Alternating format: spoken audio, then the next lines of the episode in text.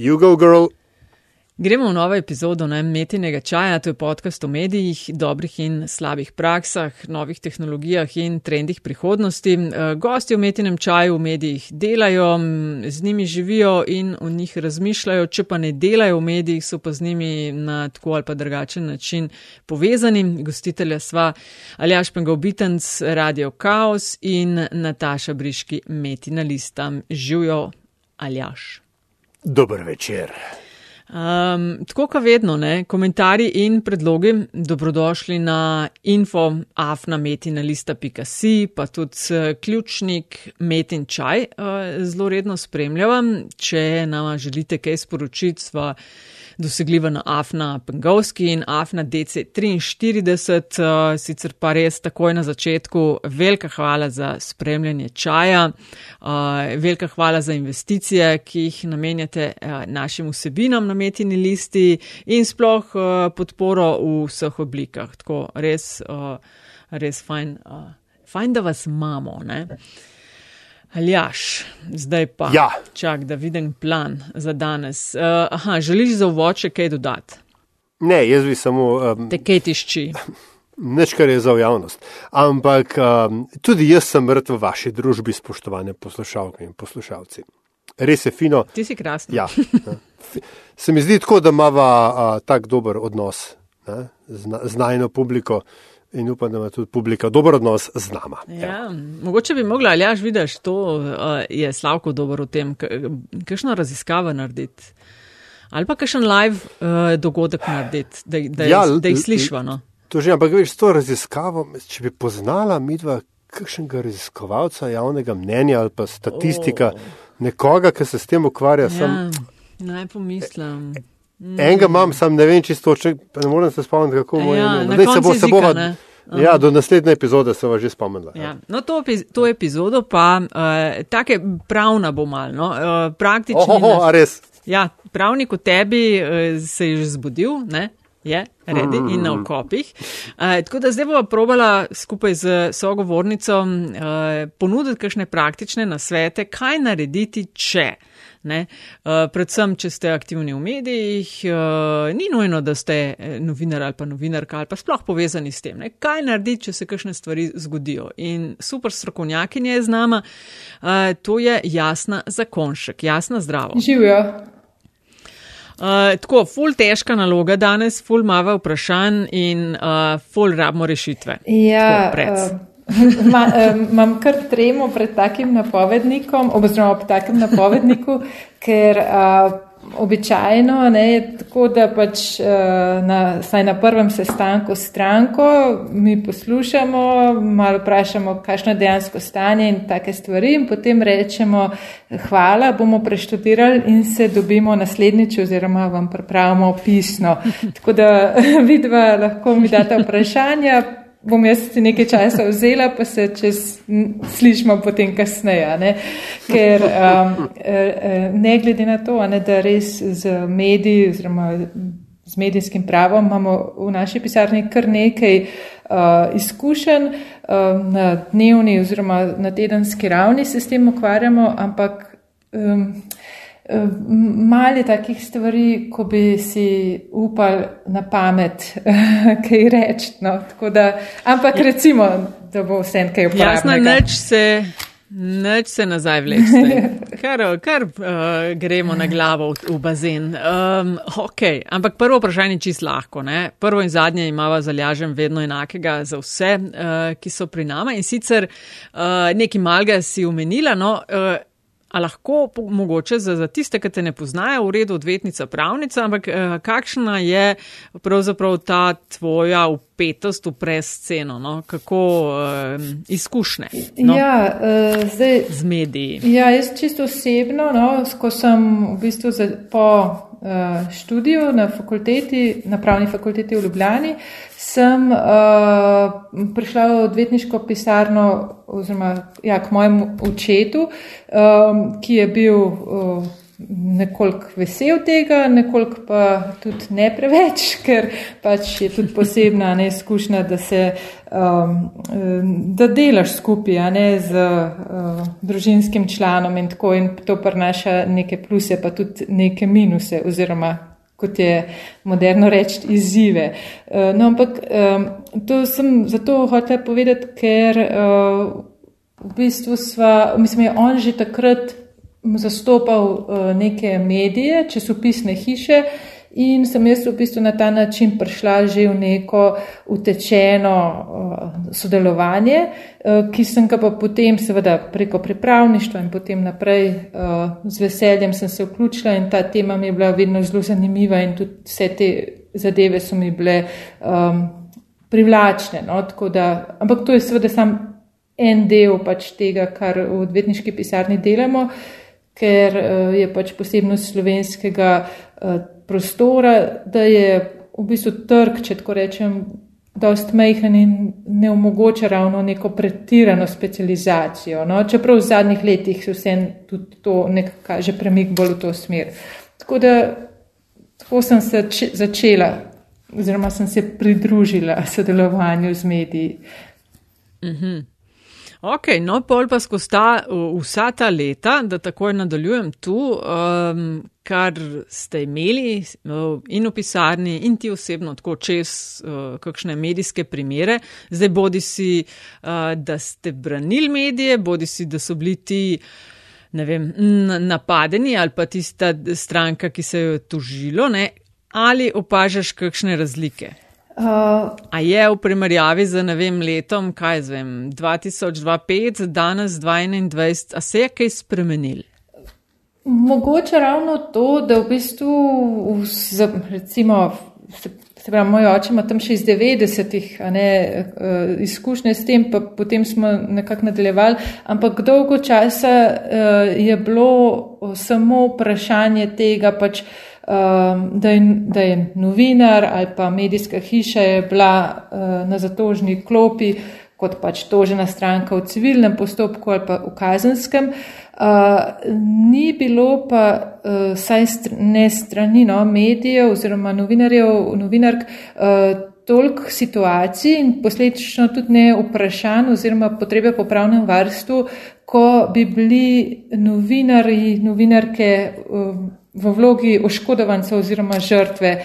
Eh, skratka, en tak um, trend, no, ki se mi zdi, uh, da ga lahko opazujemo v zadnjih letih, je, da uh, se je povečalo število napadov na novinarke, novinarje.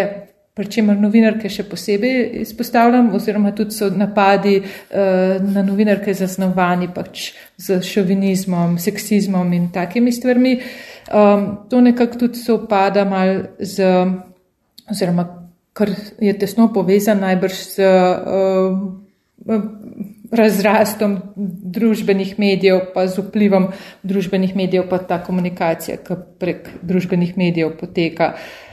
To je en tak, recimo, trend, um, ki se mi zdi, um, pa ne samo meni, no, tudi seveda drugim zaskrbljujoč, pa um, hkrati nek, nekako treba, kako reka, iskati rešitve tega problema.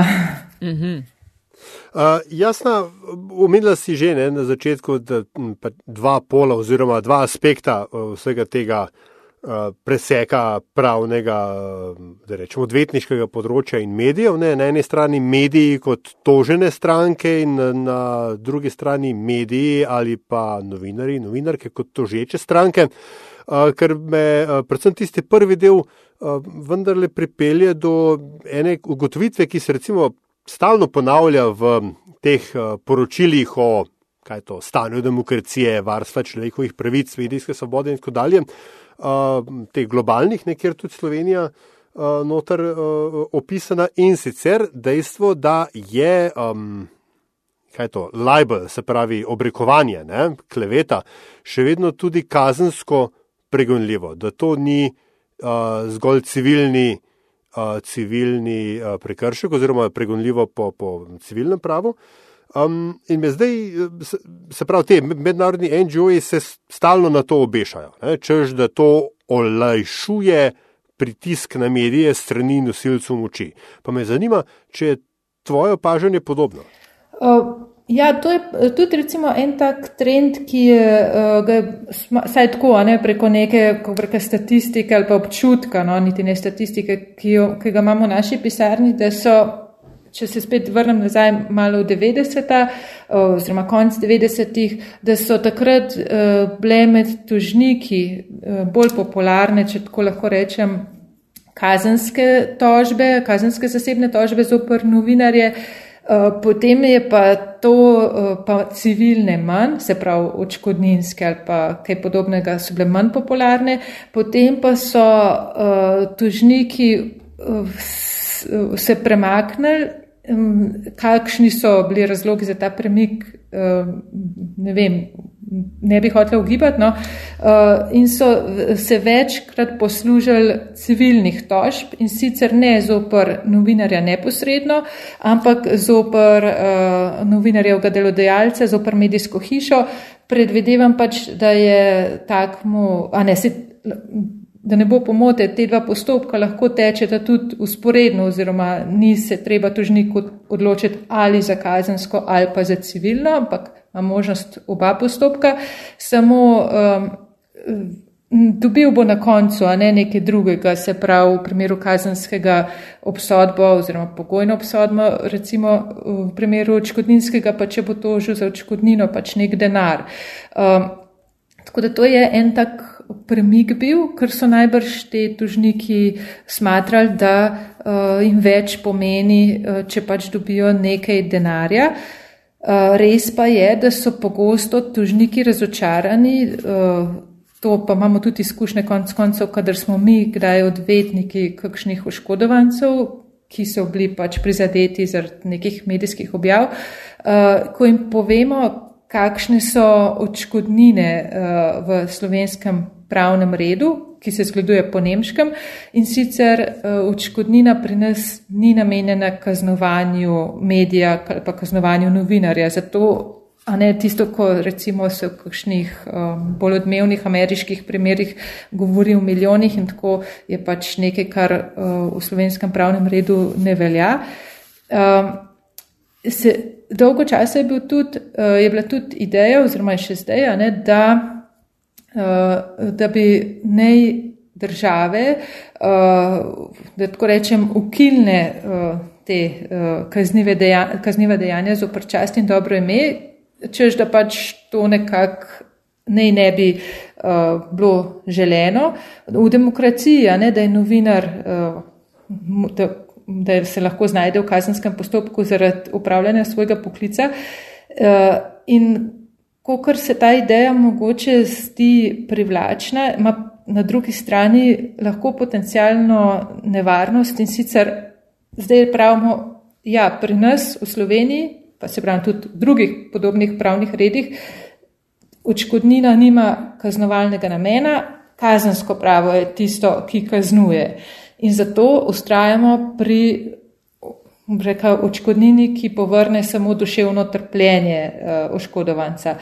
Če se bi enkrat odločil za to, seveda to je stvar uh, zakonodajalca, da bi uh, spremenili in, rečem, izbrisali ta uh, deliktna, uh, mislim, kazniva dejanja za pročasno dobro ime iz kazenskega zakonika, je najbrž logičen korak, da se bo potem to kaznovanje preselilo v očkodninsko sfero, v civilno sfero.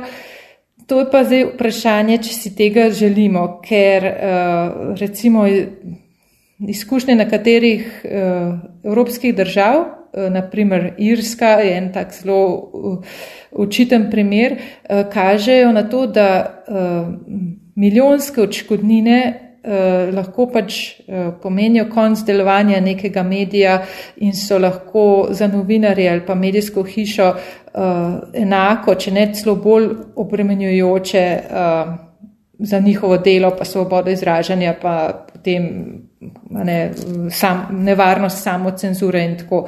Skratka, zdaj se Nekako sem že večkrat zasledila, da se države sprašujejo, ali si res želijo tega premika eh, iz kazenskega v civilno in da bo potem v civilnem pravu očkodnina taka, ki bo kaznovala uh, medij oziroma novinarja. Tukaj me zdaj dve, dve stvari me ne, še dodatno podredno zanimata, ki se mi zdi ta mogoče pomembni ne, pri tem vprašanju.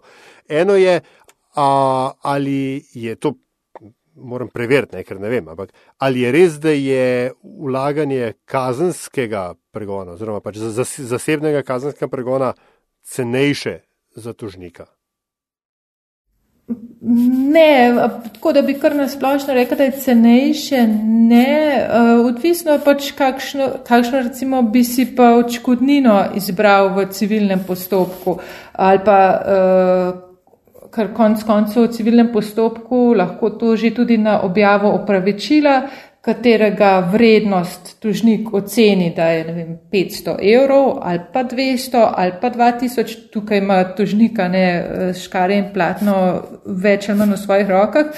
In glede na to oceno vrednosti zahtevka, a ne tudi, če bo tožil za odškodnino za 500, 500 evrov odškodnine recimo ali pa 50 tisoč, Temu bo sledila odvetniška tarifa, temu bodo sledile sodne takse. Se pravi, v civilnem postopku je v bistvu tužnik tisti, ki lahko naredi spor zaradi svojih pač zahtevkov, uh, dra, drag ali pa zelo drag.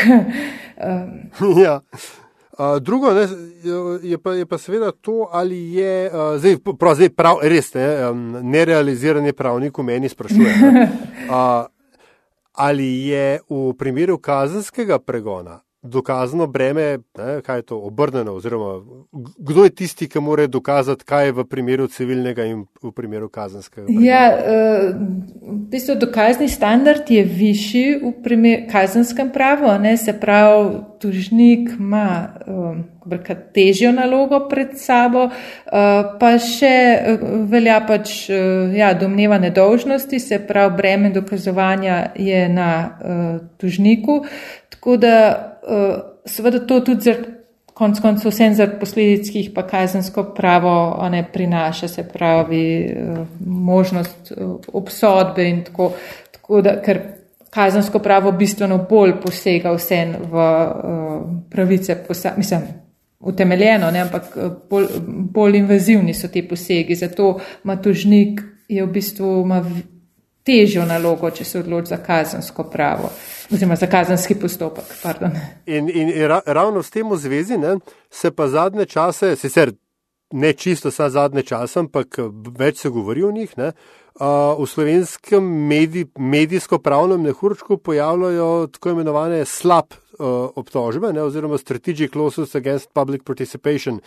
To tožba, ki ni namenjena zmagi na sodišču, ampak uh, oviranju uh, novinarja in uh, siljenju medija in, in novinarjev, da se ukvarjajo s pač pravnimi stvarmi, namesto da bi se ukvarjali z medijskimi stvarmi. To, točno tako, to je super definicija. Ja, res je, mislim, vse take tožbe so se pojavljale tudi že prej, ampak zdaj kot jaz zaznavam, ne tudi na ravni EU oziroma Evropske komisije, no, je pobuda, da bi države pač sprejele neke preka, standarde, po katerih bi se take sodbe, take tožbe, pardon, prepoznalo kot pač slab tožbe in uh, da bi sodišča imela možnost na nje tudi ustrezno reagirati. Ker um, tako, ne, kot si rekel, v primeru to vrstnih tožb je v bistvu cilj preko dolgotrajnega sodnega postopka uh, izčrpati nasprotno stranko oziroma toženo stranko.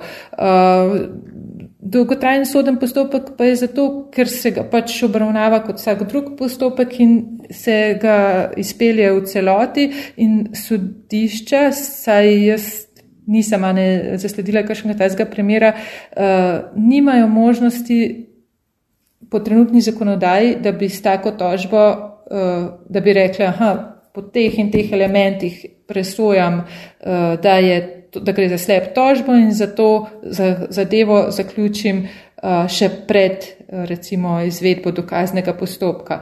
Seveda, potem bi bila tudi možnost pritožbe zopr tako odločitev, ampak če do te točke pridemo šele čez, ne vem, leto, dve, tako kot je v običajnem postopku, pač običajno, potem je toženca ne uh, utrpel že tisto škodo, ki mu jo je tužnik nemravo zadati. To je, da je porabil čas, porabil energijo, v tem času se gotovo tudi ni, recimo, če šlo za novinarja, hočeš nočeš, take stvari tudi na tiste najbolj izkušene novinarje vplivajo, pa novinarke, da imajo nekje v zadju, a ne da.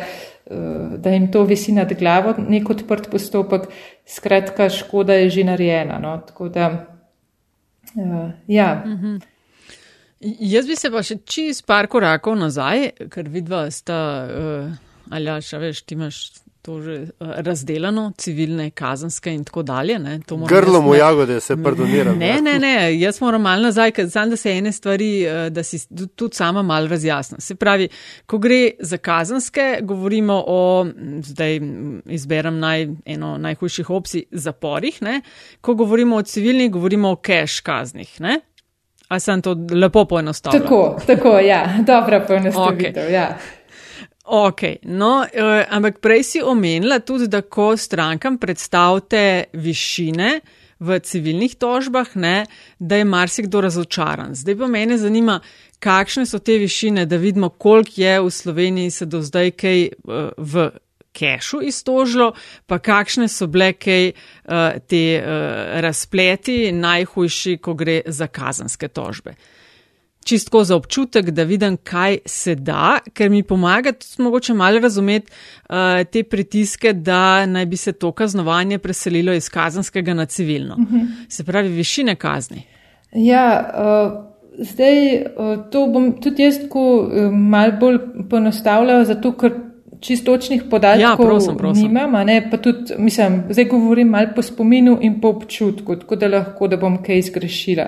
Ampak um, V primeru, uh, pač no, nekaj let nazaj, je bil en uh, dost tak uh, zahteven primer, uh, ko, če se mogoče spomnite tistega uh, tragičnega primera v diskoteki Lipa, uh, ko so uh, pač bile uh, določene, mislim, ene punce so bile do smrti poteptane. Uh, in uh, medij je o tem pisal in je pač uh, določene stvari niso držale in tako naprej in so starši teh deklet umrlih tožili zaradi posega v pravico do pietete. In takrat to je bila ena izmed takih uh, najhujših posegov in tako in je vrhovno sodišče, če se ne motim, je šla zadeva do vrhovnega, sej tukaj smo mi zraven sodelovali, sem že toliko časa nazaj, da me mal uh, vsem spomin zapustil, no? ampak vrhovno sodišče je tam rekel, očkodnine, a ne v našem pravu so nekje od dveh pa v najhujših primerjih recimo do desetih povprečnih uh, plač v Republiki Sloveniji, kar je bilo takrat uh, deset tisoč evrov. Uh, in to je bilo takrat recimo kot neka taka med odmevnejšimi očkodninami. No? Uh, Ampak potem so vse šle zadeve uh, še nekoliko više, tako da recimo, ko smo imeli primer, uh, ko je pač ena oškodovanka uh, utrpela tudi dokazano tudi zdravstvene težave, nepopravljive zaradi pač objav v medijih in tako naprej, uh, je šla očkodnina tudi, mislim, da na 21 tisoč evrov. Več člankov v medijih je bilo le časa, trajajoče obdobje in tako naprej. Tako da. Uh, okay. Pri nas, recimo, vse konkretni primeri, razumem, da se uh, tudi v kakšnih primerih verjetno ne moramo čisto govoriti, ampak za občutek, se pravi, tam nekje 20, ampak to je bilo verjetno bolj izjema med tem, kar sicer je. Predvidevam, da gre pol za par sto evrov.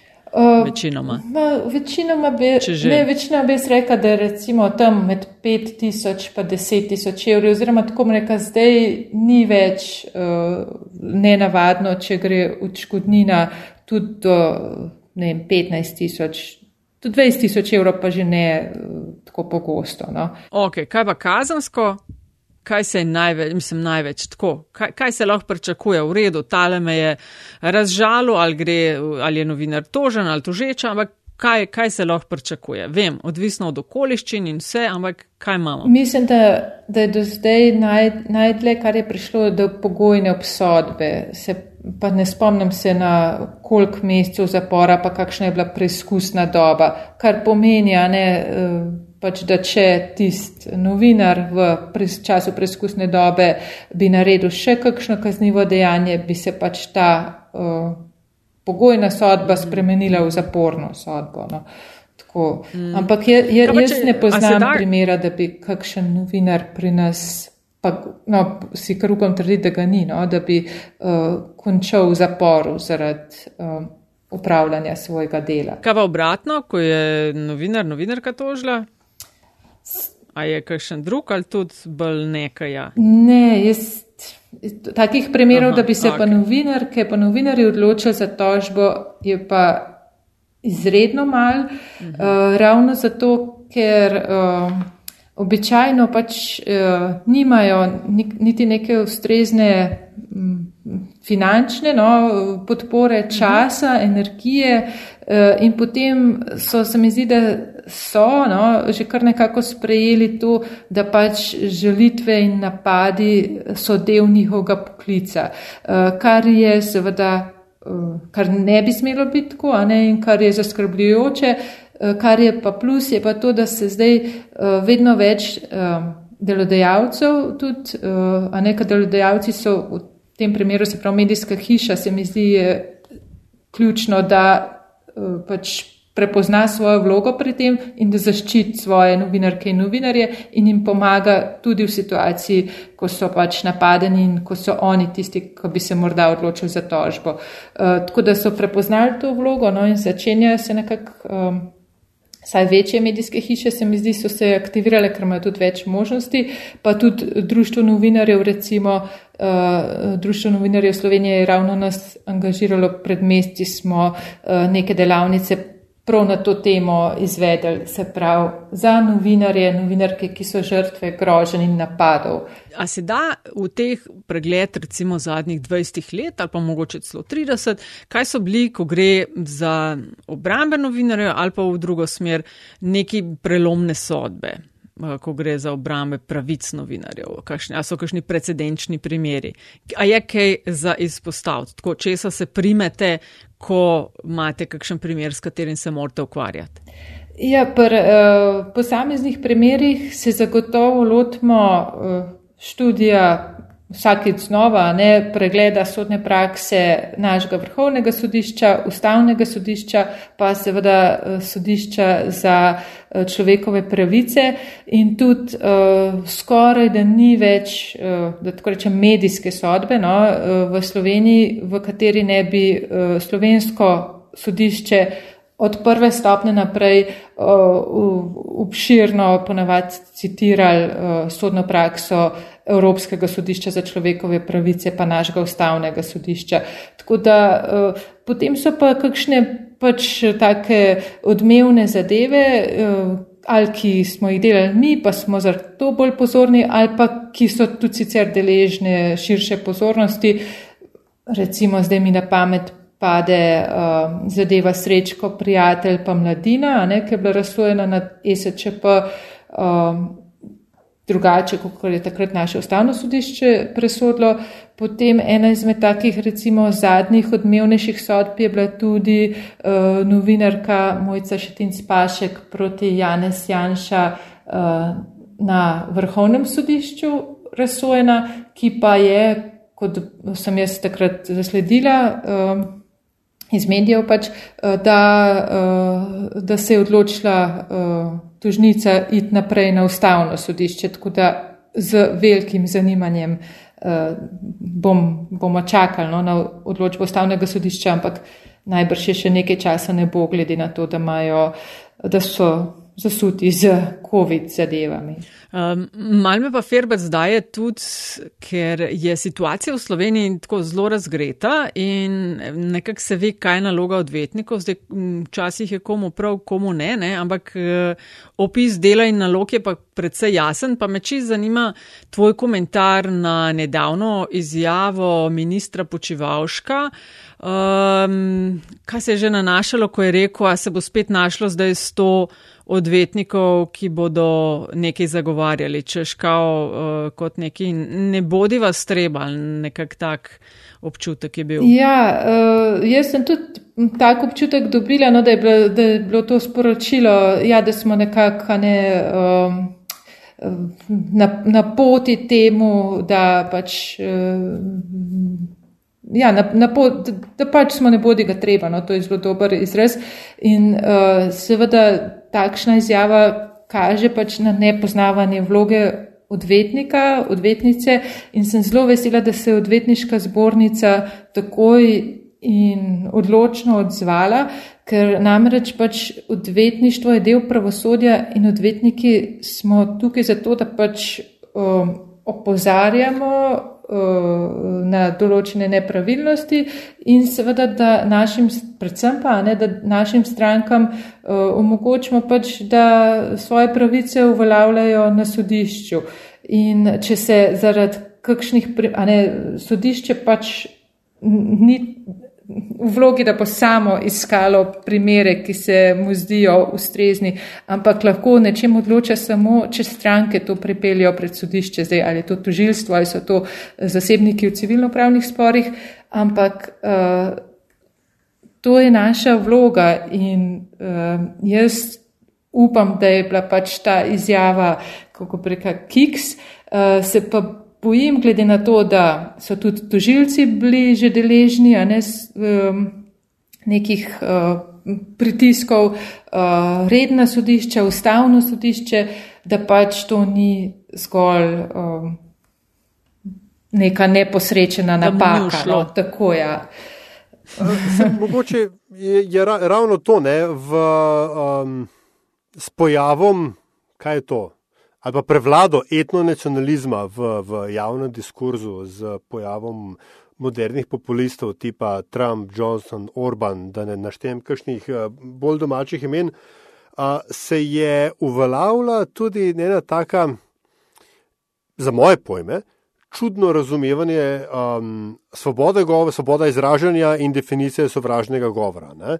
Zdaj, uh, slovensko tožilstvo je bilo na nek način notorično potem, ali pa sodstvo nasplošno, po zelo oski definiciji uh, sovražnega govora, potem se je pa tako rekoč od nikoder, mislim, da lani, vzelo neko uh, mnenje, uh, odločba, sodba, ki uh, vrhovnega sodišča, ki, če prav razumem, ne more veljati na splošno, ampak uh, ki pa širi uh, to neko polje. Kje smo mi, kje, kje je slovenska pravna praksa ta hip? Ta vrhovna sodba je bila ja, tudi ena izmed teh obreka, prelomnih sodb. Uh, in uh, je v bistvu potrdila to, kar je pa teorija pravna že prej uh, razlagala, se pravi, da kako je treba razlagati svobodo um, Ja, svoboda izražanja, no, oziroma kdaj svoboda izražanja ni več svoboda izražanja, ampak je že sovražni govor. In uh, ker prej je bilo praktično nemogoče doseči obsodilno sodbo, uh, ker se je tako rekoč že zahteval, ne, da, uh, da, mo, da bi morali že neki, ne vem, neki nemir izbruhniti, že neko nasilje in tako, ampak ne, sovražni govor, kot je definiran v zakonu, ni tako v resnici, uh, uh, tudi, mislim, ni tako zapisano. Ne, tako da ta sodba vrhovnega je v bistvu, po mojem, zadeve postavlja nazaj na svoje mesto. In zdaj me tudi ne zelo zanima, kako bo recimo vemo, da, je, da so bile podane kazanske ovadbe v primeru uh, Norme Brščič, ko je v tisti vodaji pač eh, ne, se eh, pač izražala, kot se je. No. In uh, jaz sem to odspremljala spet samo od zunaj, ampak jaz sem tukaj prepoznala, da gre za, svo, za, gre, da gre za sovražni govor. Opuštevaje tudi tisto sodbo vrhovnega, sem jo šla prav še enkrat takrat prebrati s tem uh, v mislih in me zanima, kako se bo zdaj uh, tožilstvo odločilo in kakšna bo potem tudi sodba, če se bo tožilstvo uh, pač odločilo, da, uh, da preganja zadevo, kar jaz mislim, da bi se moralo. No? Ampak dobro, lahko je včasih tudi, ko zunaj človek spremlja, biti pameten. Zdaj moram seveda moram vprašati, ne, um, ker se ne bom nikoli odpustil, ampak eh, če ne bom tega vprašal. Ja, ko recimo se zgodi tak primer, ne, ko, ko, ko ti vidiš, uh, ko opaziš nekaj, kar se ti zdi, da je eksces. A, a, si, a si ogorčena kot državljanka, ali pa, ali pa če nisi ogorčena, rečeš, kako je to lahko eksces ne, in si ogorčena nad ogorčenostjo, ali prevlada. Ne, pravni so odvetnica v tebi in reče, eh, in greš najprej, in greš najprej po, po relevantno dokumentacijo, pravno prakso in rečeš, aha, veš, in poklicna deformacija prevlada in reče, aha, za, za to tukaj, ker ne vem, imamo ne vem, drugi odstavek tretjega člena in tako dalje. Uh, Če sam zanima me, no, ta, ta, ta, ta človeški moment. Ja, mislim, malo je odvisno od teme, ampak, uh, se, kot sem na začetku rekla, ne, v bistvu je zelo malo takih pravnih področjih, v katerih bi si upal, ne, ali pa bi si upala no, um, tako na pamet soditi. Tako da najbrž je vse bliže, kot je neka tema, bolj, ko jo poznaš, uh, bolj seveda vidiš zadeve ne črno-belo in bolj razmišljaš v smeri, aha, sam mogoče pa tukaj zato, tako mogoče pa zato, ker ne poznam celega dejanskega stanja, mogoče sem pa kakšen argument spregledal in tako. Uh, bolj kot je zadeva pa strokovno tudi daleč, lažje je seveda reči, ne vem, tole je pa čist mem ali pa ja, s tem se pa sto procentno strinjam ali pa joj, kako pa niso tega videli. Kako. Skratka, bolj se ponostavlja. No, da, ampak seveda si damo včasih uh, tudi mal duška. Pa pač bolj na ponostavljen način, kakšne zadeve uh, predebatiramo, ampak če gre pa ne vem, za, za nek, recimo, tudi včasih se obrne kakšni mediji za prošnjo za komentar, a ne v kakšni zadevi, ki ni naša, najmanj takrat si pa seveda poskušaš čim bolj strokovnega vidika razjasniti zadeve. No. Ampak uh, je pa, se to en tak star pravniški vic, no, uh, da, uh, ne vem, angliški kralj je rekel, da želi imeti pravnika uh, za eno roko in sem mu rekel, kakšna je pa to zdaj želja, zakaj, ne, vaše visočanstvo bomo zrihtali, ampak zakaj pa, če smemo vprašati. In je rekel, ja, zato, da, ker mu grejo pravniki, oziroma tukaj mu reka tudi kar odvetniki, na živce, ki vedno nekaj vprašamo, povejo in potem že on misel, da je tu bo nek eh, odgovor, s katerim bo lahko šel ne, nekaj naprej, mu rečejo, but on the other hand, ne, tako da tukaj je vedno pol ta, ne, eh, aha, tako pa tako in še posebej, ko gre za tehtanje nekih pravic in tako. Nekdo mi je nekoč rekel, ne, da se moraš uh, bati zdravnika s knjigo in pravnika brez knjige. Ja, res je. Ja.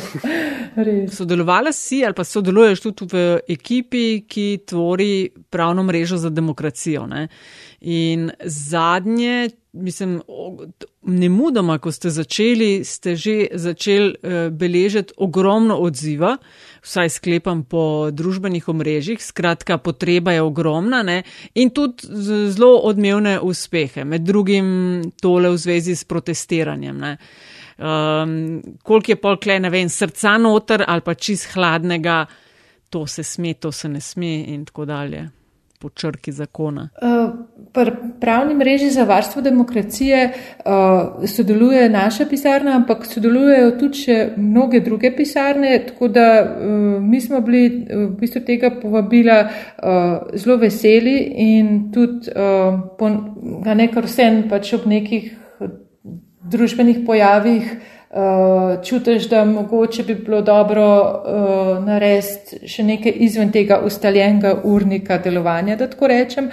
Uh, tako da to uh, je, se mi zdi, da, ne, da je ta civilna družba prepoznala neke zadeve, ki se dogajajo in da je na nje treba reagirati. Uh, smo pa pri vseh zadevah se trudimo, no, tako v pisarni, ne biti uh, se prav prvi vrsti strokovni, v tem smislu, da stranki, ki pride z neko težavo, uh, poskušamo predstaviti in argumente, ki govorijo o njej v prid, in argumente, ki ne govorijo njej v prid, oziroma ki niso tako močni, in jih dati tudi neko oceno, ali je po našem mnenju smiselno zadevo iti naprej, ali pa pač začeti nek sodni postopek, seveda pa to mnenje upiramo na tudi neko sodno prakso. In potem je pa stranka tista, seveda, ki se na koncu odloči, a bo ne vem, sprejela določena tveganja ali ne, uh, nobenemu ne moramo garantirati seveda uspeha na sodišču. Uh, da, ampak to je neka komunikacija, seveda, s stranko, notranja komunikacija. Ne? In se mi zdi, da je za stranko to zelo dragoceno, pa seveda tudi za nas, ker potem, ko se spor uh, nad, začne ali pa nadaljuje, se kakšna stranka je seveda pa v poziciji, ko nima izbire, ne? če je to žena, se ne more odločiti, a bo sodelovala ali ne. Ampak uh, vsem tudi v takem primeru je za stranko dobro, da lahko vsaj približno ve, kje so njene močne točke, kje ne. Mogoče se bo potem tudi odločila za kakšno poravnavo ali pa bo sprejela kakšno poravnalno ponudbo, ki uh, je sicer ne bi. Ne? Poleg tega, ko se spor nadaljuje, bolj vidiš samo svoje argumente, sprav argumente, ki ti grejo prid. Uh, manj, ne, kar jim skozi daješ na vzven, tudi seveda določeno težo, iščeš sodno prakso, ki podpira svoje argumente. Zato je fajn tudi za nas, da imamo tisto neko izhodišče zapisano, da se vsake tok časa lahko vrnemo k njemu in uh, pač uh, tudi stranko potem izsvetujemo, kako ne ravnano. Tako da enako je pa tudi pri pravni mreži, to sem hotel reči, da uh, že pravna mreža ima sama neko, uh, preka neke, neka merila, recimo uh, odločili so se, da bodo vzeli uh, samo primere, recimo, kjer gre za uh, mirno izražanje uh, protesta ali pa kritike uh, nenasilno, ne? tako da že recimo pa še kakšne druge primere, pa nekaj se pa seveda tudi sprot oblikuje. Eh, potem pa tudi vsaki od tistih pač uh, stranka, ne prepričan sem, da tako ravnajo tudi moje kolegice, pa kolegi iz drugih pisarn, pač poskušajo čim bolj realno predstaviti, uh, kako, kako zadeva stoji. No. Nekajkrat smo z Natašo opažala že zadnjih nekaj let, ne, ko smo se pogovarjala z novinarkami in novinarji slovenskih medijskih hiš, je, da se sploh pred objavo velikih zgodb vedno bolj in vedno raje posvetujejo z hišnimi pravniki. Ne? To je ta tako zvani legal, ki ga potem v filmih o, o velikih medijskih hišah slišimo, ki ve, vedno rečejo, ne, ne, tega pa ne smete objaviti.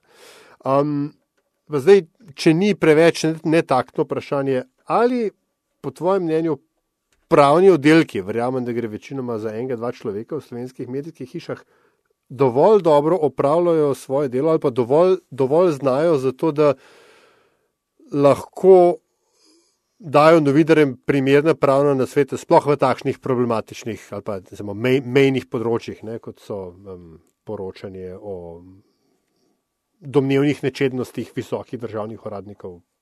Po mojih izkušnjah uh, poznajo dobro, uh, mogoče tudi dobro, ne glih v take detajle, recimo, kakor, ne vem, odvetniška pisarna, ki se ukvarja, ne, prav spori in tako, uh, ampak uh, sigurno uh, dobro izhodišče, uh, da se njih vpraša, je pa res, da tudi novinari pogosto vprašajo o tistih zadevah, ki tudi za uh, odvetniško pisarno uh, ni lahka odločitev. Se pravi, tudi tem hišnim pravnikom, saj po mojih izkušnjah mi imamo dobro dobro sodelovanje, se pravi, njim je dobro, če lahko recimo vprašajo še nas, uh, ker pol konc koncev tudi, a ne, uh, se pravi, pogosto gre za težke zadeve, za neko tehtanje. Uh, In se tudi nekako ta mal mogoče pritisk pa odgovornost uh, razdelijo. Uh, in uh, tudi uh, konc koncev, uh, mogoče smo, je, smo mi vseeno v lažji poziciji reči, ne vem, tako ali pa drugače, zato ker, ker pač nismo v službi v medijski hiši. Če, če bo kaj narobe, vseeno da tako ponestavim, zdaj meni se tistega novinarja ne bom srečvala vsak dan na hodnikih, pa mogoče potem lažje za to, kakšno odločitev sprejmemo. No. Ampak eh, tudi, eh, tudi obratno ne, je eh, to sodelovanje, je, tudi mi recimo povemo, vem, kakšno je naše mnenje, pa ga radi preverimo tudi pri hišnem upravniku oziroma pravnici, je nekako pri teh zadevah vedno zelo dobrodošlo, če pač dobiš še kakšno mnenje oziroma neko potrditev ali pa, ali pa kakšen pomislek, na katerega pač nisi uh, bil pozoren. Še posebej, ker je tukaj ponovadi zraven tudi ta časovni pritisk. Se pravi, novinar ima zgodbo že pripravljeno.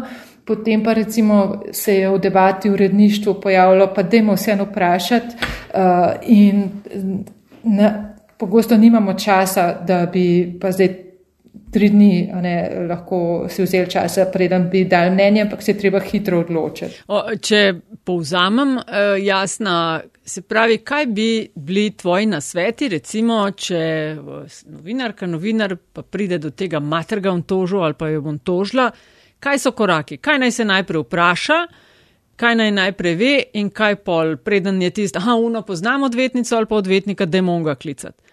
Kaj se mora najprej? Ja, kjeri, kjeri koraki vi ti svetujete? Se pravi, no? ko je novinar v poziciji, da, da se počuti ali razžaljen, ali prizadetega, ali pa napaden. Neki, ali pa ja. uh, ja. Ja, meni se zdi povsem uh, dober korak, če se obrne na pravno službo znotraj medija, če imajo, ne se pravi, večji mediji imajo, no, uh, in uh, če ne, pa lahko konc koncev uh, tudi, pa tudi pravne službe sodelujejo potem s odvetniškimi pisarnami, lahko, a ne njihovo odvetniško pisarno, lahko tudi recimo na Društvo novinarjev Slovenije tudi znajo svetovati, imajo tudi neke izkušnje, ampak na neki točki najbrž potem ne vem, no to je pa zdaj že uh, najbrž poklicna profija. informacija, pač ja. do odvetnika treba, oziroma odvetnice treba prideti.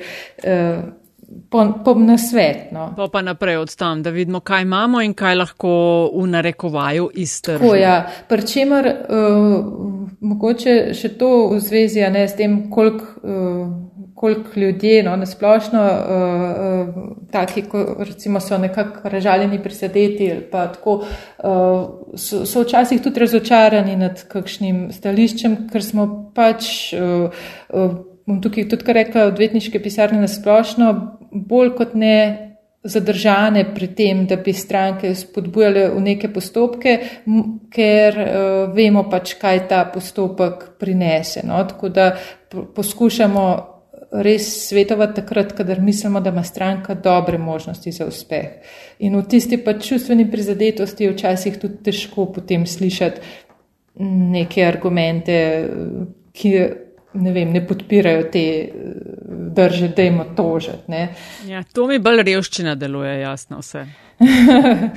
da da ni, ni, ni glih Amerika. No? Ja. Ne, ne, ni. Ampak uh, kljub temu, recimo, ne, tudi, uh, ja, ne vem, mediji tudi v Sloveniji najbrž se niso, nimajo takih, ne vem, no, tukaj pa mogoče že govorim, ne da bi imela podatke ta prave, ampak uh, tudi ne, očkodnine niso primerljive, po drugi strani pa najbrž tudi finančni položaj medijev ni primerljiv. Tako da kakšen manjši medij lahko že tožba za 20 tisoč evrov um, sprav v zelo uh, neugoden položaj. Se strinjam. Ja. Uh, Ljaš, kaj dodajaš, ali gremo na zanimivko? Počasi bo treba dodati piko. Ja, ja, evo, piko pa jasna dodajava v metinem čaju tako, da gostam oziroma gostjo povprašava po neki zanimivosti, ki jo z nami deli ob koncu. Da nam nekaj pove, kar mogoče veliko ljudi ne ve, pa bi jih znalo zanimati. To je pa seveda lahko uh, karkoli, tako da izvoli. Uh, ja, ne morem verjeti, da smo tako hitri že eh, na tej točki. Uh, uh, super je, je čas, mi je zelo hiter tekel. Uh, jaz uh, imam tukaj eno težavo, zato ker uh, težko govorim v sedanjiku, ampak bom kar uh, rekla, uh, ker se po duši čutim, da sem še vedno zraven. Namreč treniram aikido. To je uh, ena taka. Japonska borilna veščina, uh, ki je pa, uh, jaz treniram ki aikido, uh, ki je pa v bistvu zelo tak miroljubne narave, oziroma saj ta ki aikido je tak um, bolj kot neka uh, zle, zanimiva uh, telovadba, vadba, pa uh, seveda uh, glavna stvar je pa, zdaj tu govorim o pred pandemičnih časih uh, pivo po ki, aikidu in dobra družba. In tako, uh, uh, se pravi, tisto vod, da težko govorim sedajni, ko sem pa zato rekla, ker uh, pri tem aikidu mojemu je tako, da mal hodem, pa potem spet mal ne hodem, ampak se pravi, po duši sem pa še vedno zdraven in zdaj upam, da ko bo enkrat priložnost, pa po koncu epidemije, oziroma bo varno, da bom spet lahko hodila. Mm, uh, najlepša hvala, jasno, za uh, zanimivost in tudi sicer za pogovor o metinem čaju. Uh, zelo sva imela napeta všesa. Upam, da podatki in to, kar si povedala, pridejo še komu prav. Z veseljem, pa hvala res v bilo, sem bila zelo počeščena in zelo vesela. Super, hvala ti lepa. Adijo.